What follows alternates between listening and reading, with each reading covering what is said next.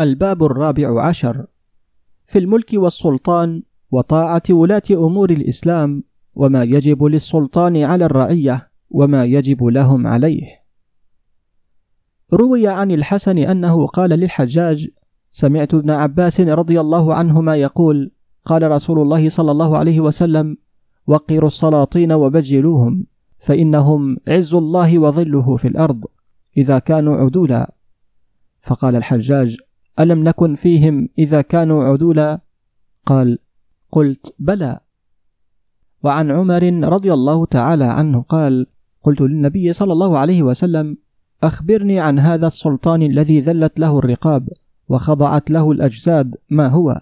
قال: ظل الله في الأرض فإذا أحسن فله الأجر وعليكم الشكر وإذا أساء فعليه الإصر وعليكم الصبر وعنه عليه الصلاة والسلام أيما راع استرعى رعيته ولم يحطها بالأمانة والنصيحة من ورائها إلا ضاقت عليه رحمة الله تعالى التي وسعت كل شيء. وقال مالك بن دينار رضي الله تعالى عنه: وجدت في بعض الكتب يقول الله تعالى: أنا ملك الملوك، رقاب الملوك بيدي، فمن أطاعني جعلتهم عليه رحمة، ومن عصاني جعلتهم عليه نقمة. لا تشغلوا ألسنتكم بسب الملوك ولكن توبوا إلى الله يعطفهم عليكم. وقال جعفر بن محمد رحمة الله تعالى عليه كفارة عمل السلطان الإحسان إلى الإخوان. وقال كسرى لسيرين ما أحسن هذا الملك لو دام؟ فقال لو دام لأحد ما انتقل إلينا ومر طارق السرطي بابن شبرمة في موكبه قال أراها وإن كانت تحب فإنها سحابة صيف عن قليل تقشع. وجلس الإسكندر يوما فما رفع إليه حاجة فقال لا أعد هذا اليوم من أيام ملكي. وقال الجاحظ ليس شيء ألذ ولا أسر من عز الأمر والنهي ومن الظفر بالأعداء ومن تقليد المنن اعتاق الرجال لأن هذه الأمور تصيب الروح وحظ الذهن وقسمة النفس. وقيل الملك خليفة الله في عباده ولن يستقيم أمر خلافته مع خلافته. وقال الحجاج سلطان تخافه الرعية خير من سلطان يخافها. وقال أردشير لابنه يا بني الملك والدين أخوان لا غنى لأحدهما عن الآخر. فالدين أس والملك حارس وما لم يكن له أس فمهدوم وما لم يكن له حارس فضائع. قيل لما دنت وفاة هرمز وامرأته حامل عقد التاج على بطنها وأمر الوزراء بتدبير المملكة حتى يولد له ولد. فتملك وأغار العرب على نواحي فارس في صباح. فلما أدرك ركب وانتخب من أهل النجدة فرسانا وأغار على العرب فانتهكهم بالقتل. ثم خلع أكتاف سبعين ألفا فقيل له ذو الأكتاف. وأمر العرب حينئذ بإرخاء الشعور ولبس المصبغات وأن يسكنوا بيوت الشعر وألا يركبوا الخيل إلا عراه. وقيل من أخلاق الملوك حب التفرد. كان أردشير إذا وضع التاج على رأسه لم يضع أحد على رأسه قضيب ريحان. وإذا لبس حلة لم يرى أحد مثلها. وإذا تختم بخاتم كان حراما على أهل المملكة أن يتختموا بمثله.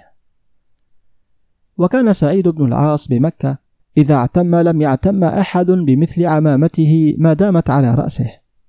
وكان الحجاج إذا وضع على رأسه عمامة لم يجترئ أحد من خلق الله أن يدخل عليه بمثلها. وكان عبد الملك إذا لبس الخف الأصفر لم يلبس أحد مثله حتى ينزعه. وأخبرني من سافر إلى اليمن أنه لا يأكل الإوز بها أحد غير الملك. وقيل من حق الملك أن يفحص عن أسرار الرعية فحص المرضعة عن ابنها. وكان أردشير متى شاء قال لأرفع أهل مملكته وأوضعهم كان عندك في هذه الليلة؟ كيت وكيت. حتى كان يقال يأتيه ملك من السماء وما ذاك إلا بتفحصه وتيقظه. وكان علم عمر رضي الله عنه بمن نأى عنه كعلمه بمن بات معه على وساد واحد. ولقد اقتفى معاوية أثره. وتعرف إلى زياد رجل فقال أتتعرف إلي وأنا أعرف بك من أبيك وأمك وأعرف هذا البرد الذي عليك؟ ففزع الرجل حتى ارتعد من كلامه. وعن بعض العباسيين قال كلمت المأمون رحمه الله تعالى في امرأة خطبتها وسألته النظر إليها فقال يا أبا فلان من قصتها وحليتها وفعلها وشأنها كيت وكيت فوالله ما زال يصفها ويصف أحوالها حتى أبهتني. ومما جاء في طاعة ولاة أمور الإسلام أمر الله تعالى بذلك في كتابه العزيز على لسان نبيه الكريم فقال تعالى بسم الله الرحمن الرحيم يا أيها الذين آمنوا أطيعوا الله وأطيعوا الرسول وأولي الأمر منكم. النساء 59 وروينا في صحيح البخاري عن جابر بن عبد الله الأنصاري رضي الله عنهما قال بايعت رسول الله صلى الله عليه وسلم على شهادة أن لا إله إلا الله وأن محمدا رسول الله وإقام الصلاة وإيتاء الزكاة والسمع والطاعة والنصح لكل مسلم. وسئل كعب الأحبار عن السلطان فقال ظل الله في أرضه من ناصحه اهتدى ومن غشه ضل وعن حذيفة بن اليمان رضي الله عنه لا تسبوا السلطان فإنه ظل الله في الأرض. به يقوم الحق ويظهر الدين وبه يدفع الله الظلم ويهلك الفاسقين.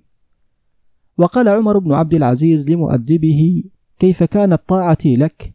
قال أحسن طاعة. قال فأطعني كما كنت أطيعك. خذ من شاربك حتى تبدو شفتاك ومن ثوبك حتى تبدو عقباك.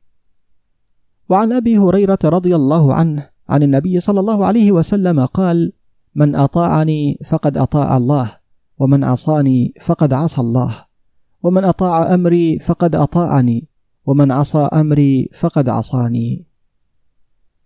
وقد ورد في الأحاديث الصحيحة أن النبي أمر بالسمع والطاعة لولي الأمر ومناصحته ومحبته والدعاء له ولو تتبعت ذلك لطال الكلام لكن اعلم أرشدني الله وإياك إلى الاتباع وجنبنا الزيغ والابتداع أن من قواعد الشريعة المطهرة والملة الحنيفة المحرزة أن طاعة الأئمة فرض على كل الرعية وأن طاعة السلطان تؤلف شمل الدين وتنظم أمور المسلمين وأن عصيان السلطان يهدم أركان الملة وأن أرفع منازل السعادة طاعة السلطان وأن طاعته عصمة من كل فتنة.